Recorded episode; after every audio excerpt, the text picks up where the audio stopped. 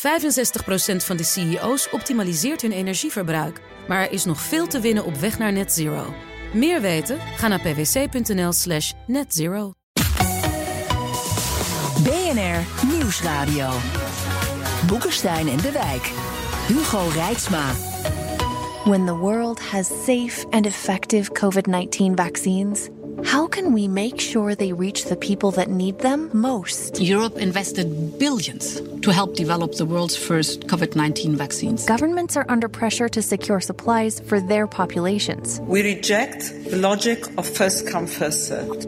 If governments compete for vaccines, most countries could miss out. We hebben AstraZeneca nodig en we mochten uitgaan van grote getallen. It's bad for us all, as no one is safe until everyone is safe. And now the companies must deliver. Hier geht es nicht um EU First, hier geht es um Europe's Fair Share. It's not about one country versus another. It's about one world protected. Eén wereld beschermd voor corona. Dat was zeg maar eerst het idee in een filmpje hier van de Verenigde Naties. Maar inmiddels heeft iedereen ruzie met iedereen. Het kan geen verrassing zijn voor luisteraars van Boekenstein en de Wijk. Op zoek naar de nieuwe wereldorde. Waarin Rob de Wijk wekelijks uitlegt dat alles altijd verkeerd gaat. en Arend-Jan Boekenstein daarvan vervolgens de schuld geeft aan Thierry Baudet. Onze gast is D66-Europarlementariër en lid van de Commissie Volksgezondheid, Sofie In het Veld. Welkom. Goedemorgen.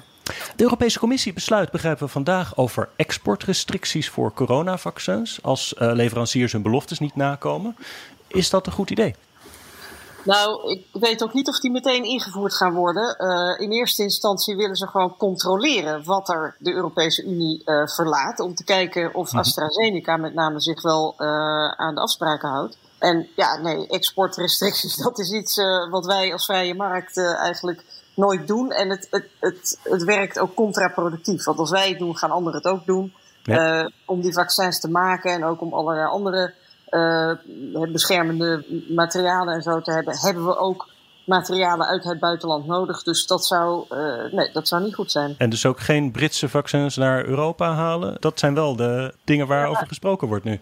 Ja, nou ja, maar er is, het, is een, het is een hele ingewikkelde situatie geworden waarbij inderdaad de verhoudingen met het Verenigd Koninkrijk, maar ook met dit bedrijf AstraZeneca uh, op, op, op scherp staan. Overigens, kijk, dat er, dat er allerlei problemen zouden gaan optreden, dat, dat is natuurlijk geen verrassing. Als je in zo'n korte tijd een vaccin ontwikkelt en de productie moet uh, oppompen, dan, dan is dat niet zo gek. Uh, en ook bij Pfizer zijn productieproblemen opgetreden. Alleen je ziet dat daar gewoon heel kalm naar een oplossing wordt gezocht. Uh, terwijl met name de CEO van AstraZeneca uh, heel erg de spotlight zoekt en gewoon ja, uh, openlijk de confrontatie aangaat. En dat is een, een, hele rare manier van doen.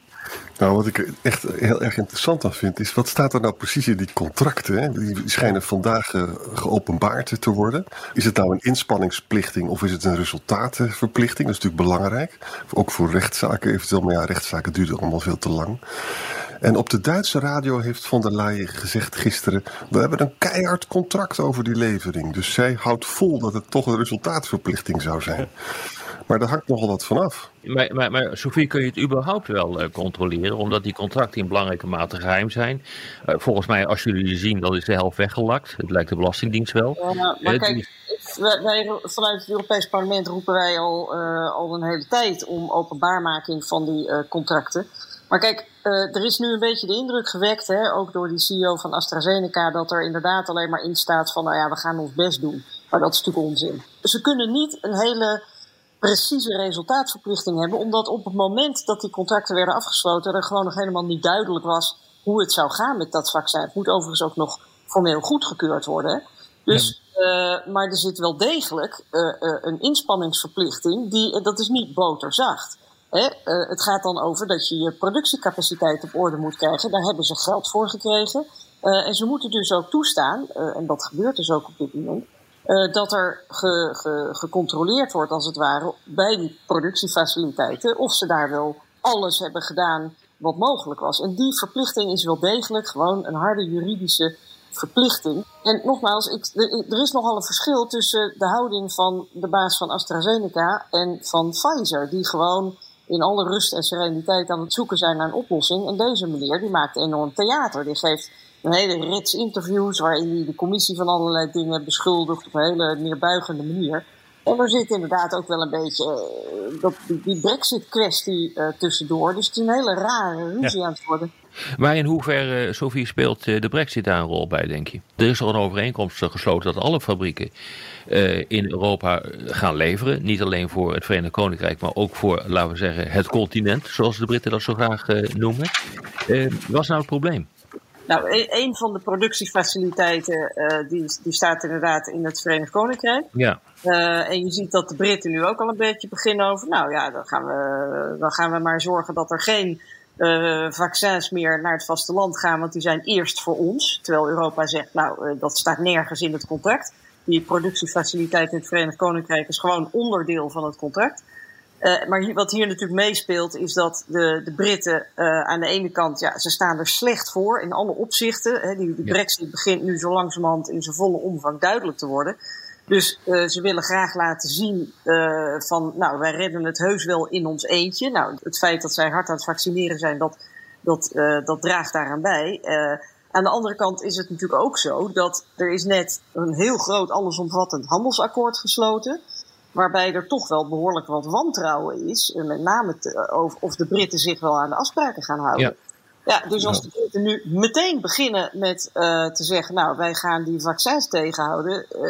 Uh, terwijl dat, dat akkoord moet feitelijk nog goedgekeurd worden. Wij moeten daar in het Europees Parlement nog over stemmen. Dus dus dit, dit speelt er allemaal een beetje. Een beetje maar spelen echt met vuur, hè, die Britten, wat dat ja. betreft. Maar wat, wat, maar wat ook hierbij speelt, is hartstikke interessant, is dat de Britten zijn toch bang voor die opmerking van de minister van Gezondheidszorg Spaan in Duitsland. Van ja, luister eens, als we zo doorgaan. We hebben nu gezien bij de douane dat er AstraZeneca van België naar uh, Engeland is gegaan. Hè? En, en wij gaan dat misschien toch restricties aan doen. Want namelijk, uh, Engeland heeft ook dus die, uh, die vaccins uit die Belgische fabriek nodig. Dus het is ook interdependentie hier. Ja, en een vraag die ik aan Sofie wil stellen is dit. Um, het is natuurlijk heel verstandig geweest van de EU dat je gemeenschappelijk gaat onderhandelen, want dan heb je meer macht. Hè? Dat is gewoon heel verstandig. Alleen wat je misschien zou kunnen zeggen, met een slag om de arm. Um, we hebben nogal lang onderhandeld, veel langer dan de Britten. Dat hebben we ook gedaan omdat we dus een gunstiger prijs konden bedingen. Maar als je kijkt dus naar wat de Britten hebben gedaan, en met name wat Israël heeft gedaan, als we nou gewoon iets meer hadden betaald, hadden we misschien toch dit kunnen voorkomen. Ja. Wat vind je daarvan? Ja, er is wel, uh, ja, er, er, zitten heel veel aspecten aan. En um, kijk, allereerst het feit dat het langer heeft geduurd. Laten we ook even niet vergeten dat dit, uh, uh, aanvankelijk wilden de lidstaten allemaal apart gaan onderhandelen. Ja. En heeft de commissie gezegd, nou ja, nee, laten we dat nou samen doen. Maar de commissie moest dan wel voor elke stap toestemming hebben van die 27 lidstaten. Ja. He, ja. Dus er wordt nu heel erg naar de commissie gekeken. Nee, het zijn lidstaten. Lidstaten zijn muisstil. Ja. Want die denken, oeh, nou, laat, laat inderdaad de kritiek maar naar de commissie gaan. Maar uh, het feit dat zij uh, eigenlijk gewoon nooit enige bevoegdheid hebben willen geven aan de Europese Unie, ja, dat wreekt zich nu wel. Um, he, dus er is iets langer onderhandeld, maar dat heeft er ook mee te maken. He, dat zij ja. van AstraZeneca zelf ook. Kijk, zij werken al heel lang met uh, uh, Oxford samen. En ze hebben dus al heel lang gewoon ja, staande contacten met de Britse regering. En hij zegt daarom konden wij daar gewoon veel sneller uh, een contract mee tekenen. Maar ik vind, kijk, het moet zich ook nog uit gaan wijzen. Want het was voor iedereen een gok. Voor iedereen in die periode, op het moment dat die vaccins er nog niet eens waren, was het een gok. Want we weten namelijk ook niet, er is heel veel gerommel, met name rondom dat vaccin van AstraZeneca. Ook vandaag weer uh, lijkt het erop, want het moet nog goedgekeurd worden hier in Europa. Uh, en het lijkt erop dat het bij, uh, bij ouderen niet werkt. er, er, zijn, er is heel veel gegogel geweest met cijfers. Vergissingen, onduidelijkheden. Dus vanaf het begin is rondom dat AstraZeneca is er gewoon al gedoe. De Europese Commissie heeft ingezet op, ik meen, vijf verschillende vaccins. Vanuit het idee, ja, we weten helemaal niet welk vaccin als eerste over, het, over de streep gaat komen, welk vaccin goed zal zijn, hoe het met de productie zit. Dus laten we ons risico spreiden. Ik vermoed dat we over een aantal maanden gaan zeggen dat was de beste uh, strategie. Um, maar ja, niemand kon dat van tevoren weten. Hè? Want uh, nu zijn de Britten die zijn, uh, verwoed aan het, aan het vaccineren met het vaccin van AstraZeneca. Maar ja, het zou dus best kunnen dat blijkt dat het bij oudere mensen niet werkt. Hm. Hebben de Britten het niet gewoon beter voor elkaar dan Europa? Ik bedoel, ze hebben eerder het vaccin goedgekeurd. Ze hebben eerder vaccins besteld. En ze zijn ook nog eens sneller met prikken. Dus ik begrijp die kritiek ja, op Engeland maar, niet zo. Hoor nou eens, eh, ze doen misschien nu eindelijk eens een keer wat goed. Ze hebben alleen maar zaken fout eh, gedaan. Ik begrijp ook wel dat die Britten dat willen vasthouden. En dat je nu gewoon alles op alles zet om zoveel mogelijk eh, te prikken. Want dan kun je tenminste laten zien dat je toch nog wat kan als land. Maar voor de rest is het één grote puinhoop, één grote chaos. Het is, het is, kijk, het is ook, je, wij kunnen natuurlijk een beetje in ons vuistje lachen over wat er daar helemaal niet goed gaat. Maar uiteindelijk wil je dat helemaal niet. Je wilt Nee. dat het ook bij je buren gewoon goed gaat. Dus als zij. Maar, wacht even, maar zij doen het toch beter dan wij? Ik begrijp het niet. Ja, nou, daar, daar, daar wil ik even wat over zeggen. Dus kijk, allereerst, eh, eh, het zou kunnen dat achteraf blijkt dat dat zo is. Op dit moment lijkt het zo, maar dat is gewoon nog niet helemaal duidelijk. Omdat zij heel veel prikken met dat AstraZeneca-vaccin, waarvan nu dus begint nou, duidelijk te worden dat daar nogal wat haken en ogen Hmm. aan zitten. Dus het zou kunnen zijn dat ze heel veel oudere mensen hebben gevaccineerd en dat dat blijkt dat dat vaccin niet werkt. Ehm, dus dat is.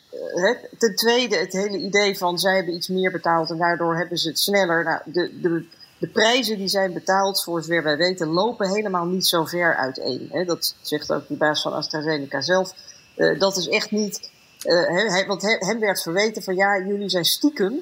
De vaccins die voor Europa bedoeld waren, zijn jullie ergens anders aan het verkopen omdat je er daar meer mee verdient. En hij zei, nou, de Ja. verschillen bij, voor de inkoopprijzen zijn zo klein dat dat de moeite echt niet waard is. We zullen zien. Kijk, iedereen, de Britten, de Israëli's, Europa, eh, de Amerikanen, iedereen heeft een beetje eh, ja, blind, zeg maar, die dingen moeten bestellen. Eh, want niemand wist welk vaccin er eerst zou komen, hoe het met de goedkeuring zou gaan, hoe het met de levering zou gaan. Dat wist niemand. Dus je kan achteraf kan je zeggen, nou, de een heeft goed gegokt, de ander niet. We weten het ook nu. Nee, maar kijk eens, waar het natuurlijk echt om draait, is niet wie het eerste begint, maar wie het eerste klaar is. Met, eh, Ja, dat zegt Hugo de. Jong ook altijd, ja. En, en ja, dat is. Dat is, natuurlijk- nee, maar dat is natuurlijk gewoon het allerbelangrijkste. En het kan best zijn, hè, Nederland bungelt nu onderaan, maar als we die zaak eh, eh, redelijk onder controle beginnen te krijgen en, het, eh, en, en we komen door eh, die, die aanloopproblemen heen, dat bij wijze van spreken Nederland als eerste klaar is met dat geprik. Ja, daar en dan nog hoor je, weinig op, dan hoor je volgens er niemand meer over. En dan zijn we ineens de winnaars. Maar je moet het gewoon niet in termen van verlies en winnaar zien. Exact. Uiteindelijk eh, is het ook zo, hè, want het, het- niks is zwart-wit. Want stel dat bijvoorbeeld dat we dit niet Europees hadden gedaan, maar elk land voor zich. Dan, wat je dan had gezien was dat Mhm. er in de Europese Unie een aantal landen eh, heel goed bediend zouden worden, een aantal landen helemaal niet. De enige oplossing zou dan zijn de grenzen dichtgooien, wat voor Ja. een handelsland als Nederland een drama zou zijn. Eh, en het gaat niet alleen maar om Europa, maar een andere zorg is natuurlijk dat bijvoorbeeld in Afrika dat er gewoon helemaal geen toegang is tot vaccins. En dat virus heeft maling aan grenzen en nationaliteit. Dus we zijn met z'n allen pas veilig en vrij op het moment dat iedereen gevaccineerd kan worden. BNR Nieuwsradio. Boekenstein en de Wijk. Op zoek naar de nieuwe wereldorde. Dit is Boekenstein en de Wijk. En dat programma is natuurlijk niet zonder Arend-Jan Boekenstein en Rob de Wijk. Mijn naam is Hugo Reitsma en onze gast is D66-Europarlementariër Sofie Netveld. Sophie, je noemde net Afrika. Dat is natuurlijk buitengewoon belangrijk. De Europese Unie die richt zich daar ook op. Hè. Volgens mij is er een initiatief, eh, Team Europe. Eh, er gaat ook miljarden eh, is beschikbaar gesteld om Afrika door, dit, door dit dal eh, te helpen. Er zijn al een hele hoop hulpprogramma's opgestart. Wat, hoe heet dat? COVAX, COVAX een mondiaal Ja. programma wordt op, is opgesteld onder auspiciës volgens mij van de Wereldgezondheidsorganisatie. Maar tegelijkertijd zie je dat er eigenlijk gewoon een soort geopolitieke vaccinstrijd eh, gaande is in eh, Afrika.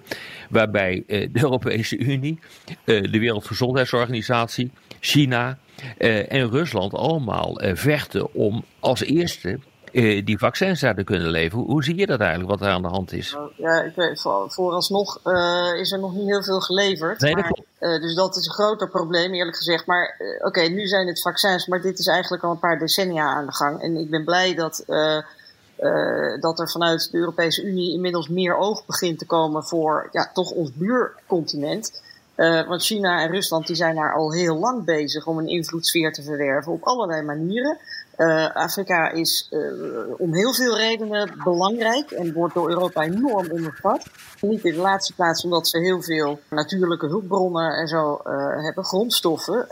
En de Chinezen en de Russen die, die hebben al veiliggesteld dat ze daar toegang toe hebben. En er zijn allerlei andere redenen ook waarom wij veel nauwer met Afrika zouden moeten samenwerken. Dus um, ik hoop wel, kijk, ik snap heel goed dat op dit moment wil iedereen gewoon maar één ding: uh, die vaccins en zorgen dat we veilig zijn en dat we onze vrijheid terugkrijgen. Dus het is een beetje uh, niemand zal aan zijn eigen burgers de boodschap verkopen van ja, sorry, jullie moeten even wachten, want we gaan eerst naar de buren. Nou, kijk, het is natuurlijk een hoop kritiek op uh, de Europese Unie, op de landen van jullie doen het allemaal traag, maar we doen het wel zorgvuldig. En dat is heel belangrijk. En als je dus kijkt hoe China en Rusland op dit ogenblik proberen en uh, gebruik te maken van het vaccinnationalisme om uh, hun eigen vaccin zo snel mogelijk af te zetten elders in uh, de wereld. Rusland heeft al fases overgeslagen in het, uh, in het testprogramma. China, daar zijn zeer grote twijfels over de kwaliteit van de vaccins, omdat ze ook al een paar grote vaccinschandalen achter de rug hebben. als je in beide landen kijkt, dan willen grote delen van het land zich niet laten uh, inenten omdat uh, ze hun eigen vaccins niet, uh, vertrouwen. niet, niet, vertrouwen. Dus je, je gaat naar een situatie toe dat het nog maar moet blijken of die Russische en die Chinese vaccins in Afrika, maar ook in Azië en in Zuid-Amerika, of die daadwerkelijk werken. Dat ja, is er komt nog bij dat ze ook niet kunnen leveren. Hè? Dus de Chinezen nee, en de Russen hebben een, een, leveringsprobleem, net zoals wij dat hebben. Ja. Dus het is nog maar zeer de vraag of die vaccindiplomatie echt een groot succes uh, zal worden. Nou ja, de, de, de, Chinezen hebben dus nu al gezegd van uh, we kunnen volgens mij 2 miljard van die vaccins uh, produceren. Maar ze hebben wel 1,4 miljard Chinezen die ze moeten inenten, maal 2. Ja. En, uh, en dat betekent dus dat er nu al leveringen worden teruggebracht en opgehouden aan de grens. En die mogen dus gewoon niet uh, naar Afrika toe of naar de Filipijnen toe. De Filipijnen die staan echt op dit ogenblik op een achterste poot hè, hierover. Die hebben ja. verwacht dat er miljoenen medicijnen zouden komen en, de, en die komen niet. Ja, maar dat is dus hetzelfde eigenlijk als waar wij mee zitten. Hè. Er, er, er barst nu echt een gevecht los en... Kijk, eh, eh, in zekere zin is dit allemaal niet heel erg verwonderlijk. Want het idee dat je in uh, pakweg uh, negen maanden een vaccin ontwikkelt uh, en dat het vervolgens gewoon naadloos wordt geleverd aan iedereen. Ja, dat, vanaf het begin kon je natuurlijk voorspellen dat dat, dat dat een veel te grote uitdaging was. En eigenlijk gaat het dan nog relatief goed, hè, als ja. je erover nadenkt. Um, en uiteindelijk zal het ook wel goed komen, maar er zal vermoedelijk meer tijd overheen gaan dan dat we allemaal hadden maar het blijft wel heel cynisch, vind ik, dat als je naar het COVAX-programma kijkt. We hebben het opgebouwd door de Wereldgezondheidsorganisatie en Europa werkt er dus ook aan mee. Alleen doordat we leveringsproblemen hebben, kan je gewoon voorspellen dat COVAX natuurlijk aan het einde van de rij komt te staan. En, en het trieste daarvan is het, het idee van eigen gezondheid eerst is natuurlijk onzin. Want er is zoveel migratie tussen continenten. En, en Arend COVAX is 2 miljard doses hè, die besteld zijn. Ik bedoel, uh, dat is veel, maar het is tegelijkertijd niks. En dat ja. kan niet geleverd worden. Nee, maar wat, die, ja? die, die, baas van AstraZeneca, die zei ook uh, uh, toch wel met een beetje met een grijns van ja, Europa is nu boos, maar wij hebben wel 17 procent van uh, de wereldwijd beschikbare dosis besteld, terwijl wij 5% van de bevolking hebben. Ja, maar we hebben er ook aan meebetaald. Ik eh, zat, uh, deze week zat ik toevallig in zo'n in zo'n videoconferentie met, met mensen in Afrika. En die begonnen natuurlijk ook over te klagen. En daar hebben ze in belangrijke mate gelijk aan. Maar tegelijkertijd is ook een argument. De Europese regeringen, de Europese Unie, heeft gewoon meebetaald aan de ontwikkeling van die, uh, van die vaccins. Uiteindelijk, uh, die, die, pandemie, heeft, daar heeft niemand om gevraagd. En nee. iedereen worstelt met het vinden van oplossingen. En ik vind wel, je ziet dat, dat de Europese Unie, um, die, die, mocht nooit iets doen op het gebied van volksgezondheid. Er is wel zo'n Europees, zeg maar, een soort Europees RIVM. Hè, um, hebben wij, maar die, die geven eigenlijk alleen maar adviezen. Maar een jaar geleden, toen, toen we nog maar net hoorden van dat er een raar virus was uh, in China, in januari, toen heeft de Europese Commissie en, en, en dat RIVM, zeg maar, die hebben aan alle lidstaten gevraagd: jongens, uh, hebben jullie een plan voor als er een pandemie zou komen? En de lidstaten zeiden, nou, bemoei je met je eigen zaken, daar gaan jullie niet over. Bij ons is alles in orde, zeiden ze allemaal. Nou, dat is dus een jaar geleden. Dus niet. Dus ik denk dat ze ook wel op een hele, in een hele steile leercurve zitten. Um, en dat je, dat je in dit soort situaties, dat je dat gewoon Europees moet doen. Alleen we hebben nu ik wel tien maanden tijd, hebben we enorm moeten improviseren. En dan denk ik, ja, als je dat dan in oogschouw neemt, dan had het, uh, hè, dan is het nog niet eens zo slecht. Qua, qua maar, maar Sophie, dit is mijn continue ergernis. Uh, we hebben dat continu kunnen lezen in uh, de strategie nationale veiligheid, de nationale risicobeoordelingen van een land als Nederland. Pandemieën stonden in termen van de relatie risico en waarschijnlijkheid nummer één, al twintig jaar lang. En al de analyses zijn gemaakt, er is nooit één flikker gedaan. En ik neem dat inderdaad ik neem dat gewoon ook de, de regering zeer kwalijk. Achtereenvolgende regeringen. En wat het nog erger maakt, kijk, we zijn nu verschrikkelijk hard bezig met die vaccins en met de productie, met de levering. Terwijl er gewoon weer nieuwe mutanten aankomen. Dan kun je gewoon op, je, op, je, op een achterkant van een envelop schrijven. En nou is het zo, bij sommige vaccins, die kan je dan vrij snel bijstellen. Maar die moeten dan ook allemaal weer geproduceerd worden. Met andere woorden, de komende tien jaar, jongens, gaan wij op afstand deze podcast blijven opnemen.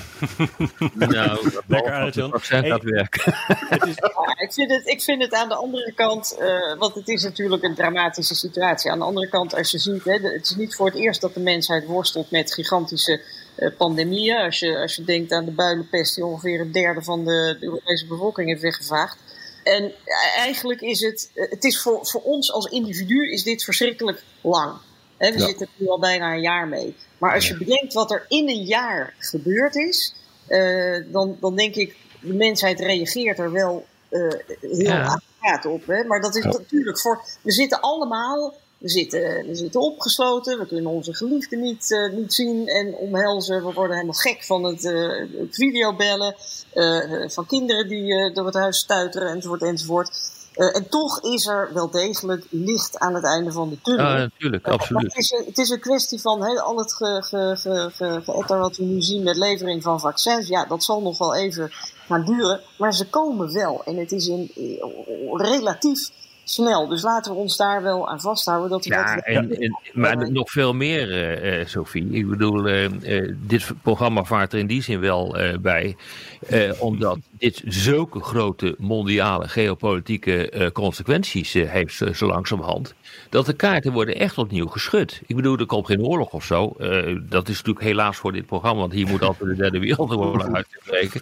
Maar als je gewoon kijkt, dan denk ik dus dat China en Rusland weer een poging doen, wat ze ook de afgelopen maanden hebben geprobeerd in, uh, in Europa, wat totaal mislukt is om door middel nu van vaccindiplomatie, ja, eerst deze via mondkapjesdiplomatie, dat is niet goed gelukt omdat het allemaal gepaard ging met een hele hoop uh, ontregelende uh, nepnieuws die uit uh, Beijing en uit Rusland kwam. Probeer ze dat nu te doen met vaccins. En ik moet echt nog zien of dat gaat lukken. Omdat A, ze kunnen ze niet uh, fabriceren. Dus hebben, het is uh, uh, overpromise en underdeliver. Dat is feitelijk wat er aan de hand is. En B, moet ik nog bekijken wat de kwaliteit is van die, van die vaccins. Dus dit kan nogmaals op een verschrikkelijke manier tegen hun gaan werken. Maar weet je, weet je wat het is? Ik, ik, en, en ik bedoel, nu hebben we het over een pandemie. en dat is nog maar een bagatel in vergelijking met de klimaatcrisis. Hè? Maar ik denk dat waar het, waar het over gaat is dat we leven in een heel andere wereld. De wereld is in, in een paar decennia radicaal veranderd. In alle opzichten en de uitdagingen die we krijgen, die passen gewoon helemaal niet meer bij de structuren die we hebben. Wij zijn in ons hoofd leven nog ergens een beetje knus in, nou ja, hooguit de jaren 50 van de vorige eeuw. Uh, en nog een beetje daarvoor. Maar als je bijvoorbeeld denkt aan de transatlantische relaties, die zien wij nog steeds heel erg door een bilaterale bril. Terwijl ja de, de wereld is radicaal veranderd. En we zijn, die transatlantische relaties, die, die, die, die verhouden zich alweer heel anders sinds de, de Amerikanen weer veel meer naar China gaan kijken. Maar wij zijn heel traag in het mentaal mee ontwikkelen. Uh, Klopt. Met de veranderingen in de wereld. Het, het, het gezellige Nederland van de PVV komt nooit meer terug, kan ik je Dank daarvoor Rob. En daarmee moeten we afronden, althans op de radio. Op de podcast hebben we wat meer tijd. Dan gaan we door met luisteraarsvragen. Luistert u op de radio, dan verwijs ik naar Apple Podcasts, Spotify of boekensteinendewijk.nl. Ja. Uh, Sam Zarian vraagt: Eerder bestelde Duitsland tegen EU-afspraken in voor zichzelf vaccins. Nu dringt hetzelfde land aan op restricties op export van vaccins. Zal de situatie weer voor spanningen tussen Duitsland en de andere lidstaten kunnen zorgen? Nou ja, potentieel natuurlijk wel. Ik geloof dat in december Duitsland een extra portie AstraZeneca heeft besteld. Hè? En dat, dat, dat, daar was de Europese Commissie waarschijnlijk ook niet uh, erg uh, vrolijk over. Maar Duitsland heeft er nu wel duidelijk voor gekozen om het allemaal via de Europese Commissie te doen. Dus het, uiteindelijk zal het wel ja, kalmeren. Ja. Ja, zet Duitsland die samenwerking niet onder druk? Ik krijg wel de indruk. Je hoort heel veel kritiek uit het land op de gezamenlijke aanpak. Ik denk uiteindelijk Duitsland, wie, wie er ook uh, aan het roer zit in Duitsland, Duitsland zal zich altijd inzetten voor Europese eenheid. Dus wat dat ja. zullen, het niet, zullen ze het echt niet uh, harder pushen dan, uh, dan nodig.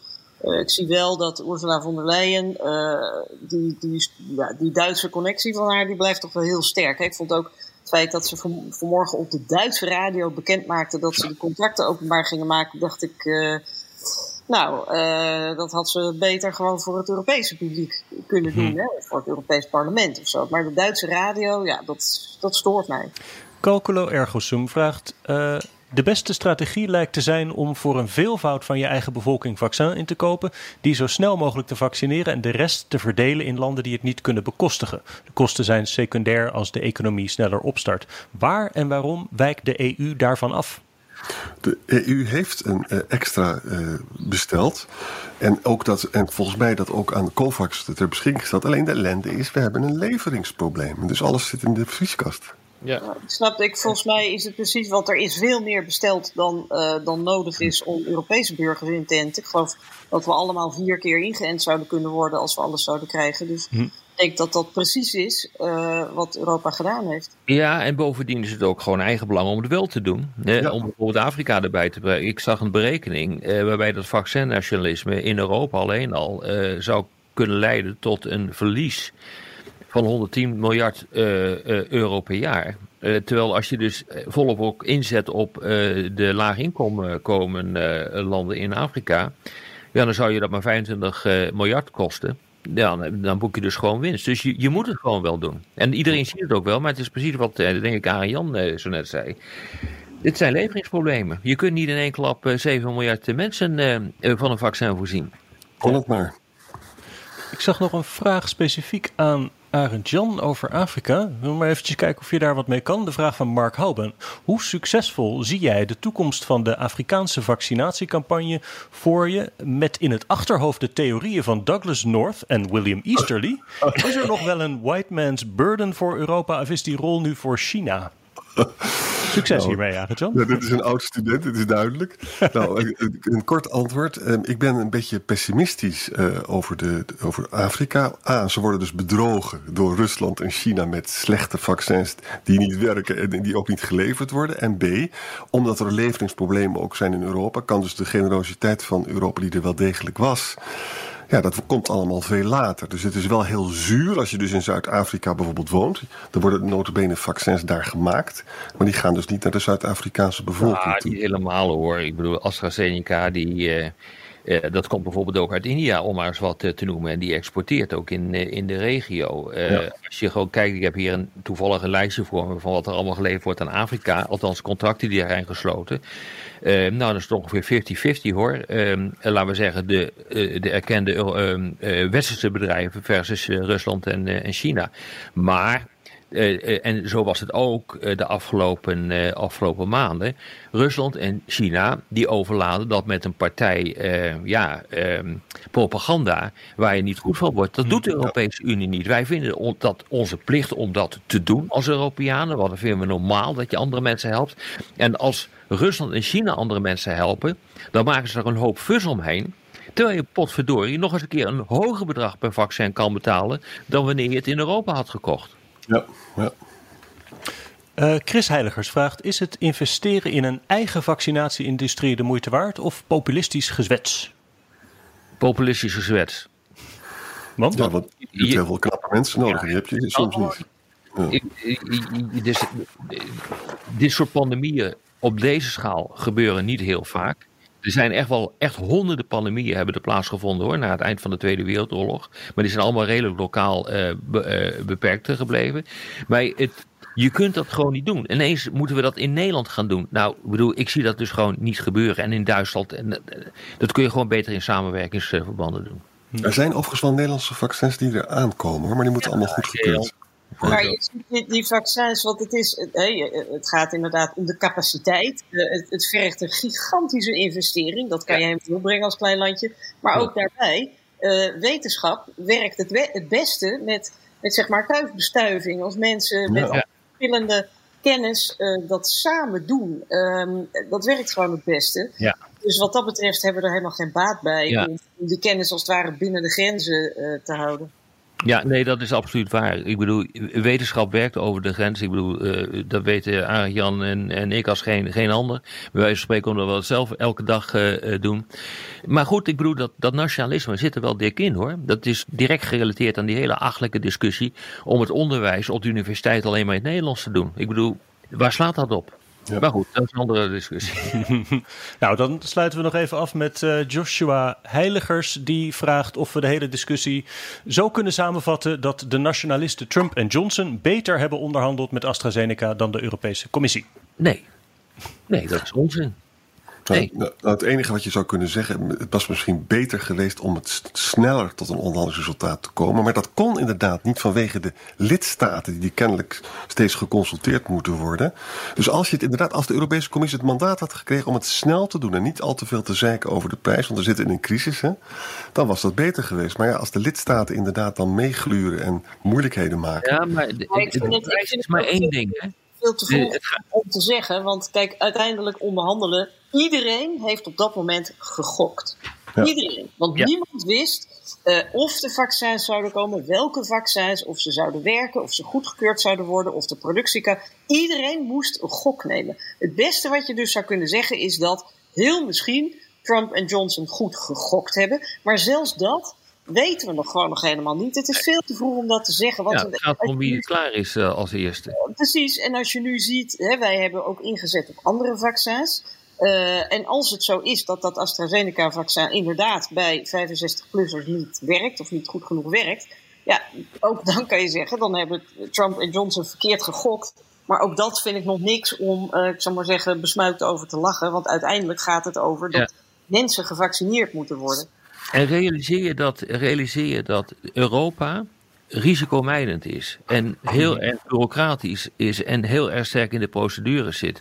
En dat is in belangrijke mate ook gericht op, uh, in mijn optiek, op consumentenbescherming. We willen gewoon iets hebben dat veilig is en dat werkt. Dus procedures zijn hier gewoon, uh, duren hier gewoon langer. En dat hebben we gezien natuurlijk in China, Rusland, ook Trump uh, had, dat, had het idee van jas het er maar doorheen, sla, maar, sla maar fases over en dan kijken we wat er van komt. En voor hun is het, is, het, uh, is het vaccineren, het feit dat je dat doet, belangrijker dan het resultaat. Is dat niet een zwakte van Europa, dat we zo op die procedures hangen?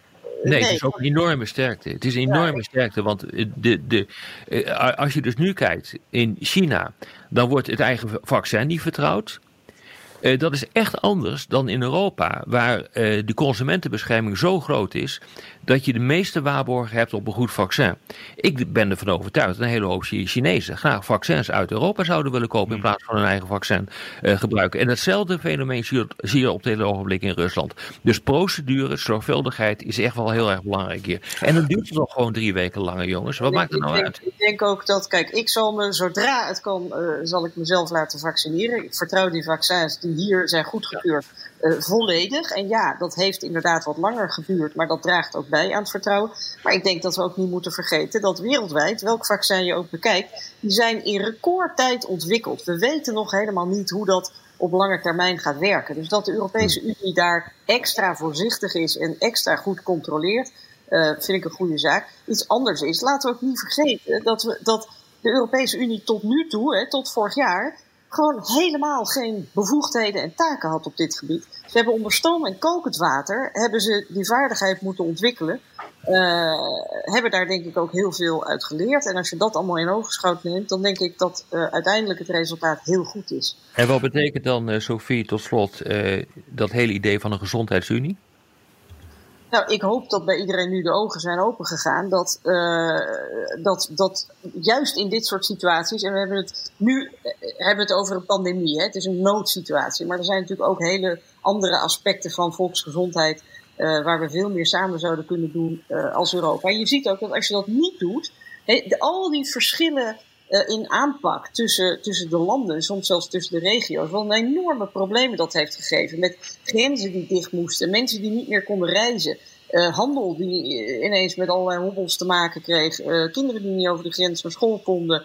Uh, nou, toerisme wat helemaal de dood is gevallen. Dus je ziet ineens dat de voordelen van een gezamenlijke aanpak, niet alleen maar gezamenlijke inkoop van, uh, van materialen en medicijnen, of het delen van, van uh, uh, ziekenhuiscapaciteit bijvoorbeeld, maar ook, ik denk dat we ook veel meer toe moeten naar gezamenlijke protocollen. Hè, van wat voor maatregelen neem je bij de bepaalde stand van zaken? Want als alle landen dezelfde aanpak hebben, dan is er dus ook veel minder noodzaak om de grenzen dicht te doen. Dit was er Boekenstein in de Wijk. Namens Arend-Jan Boekenstein en Rob de Wijk zeg ik dank voor het luisteren. Speciale dank aan Sofie in het veld en tot volgende week.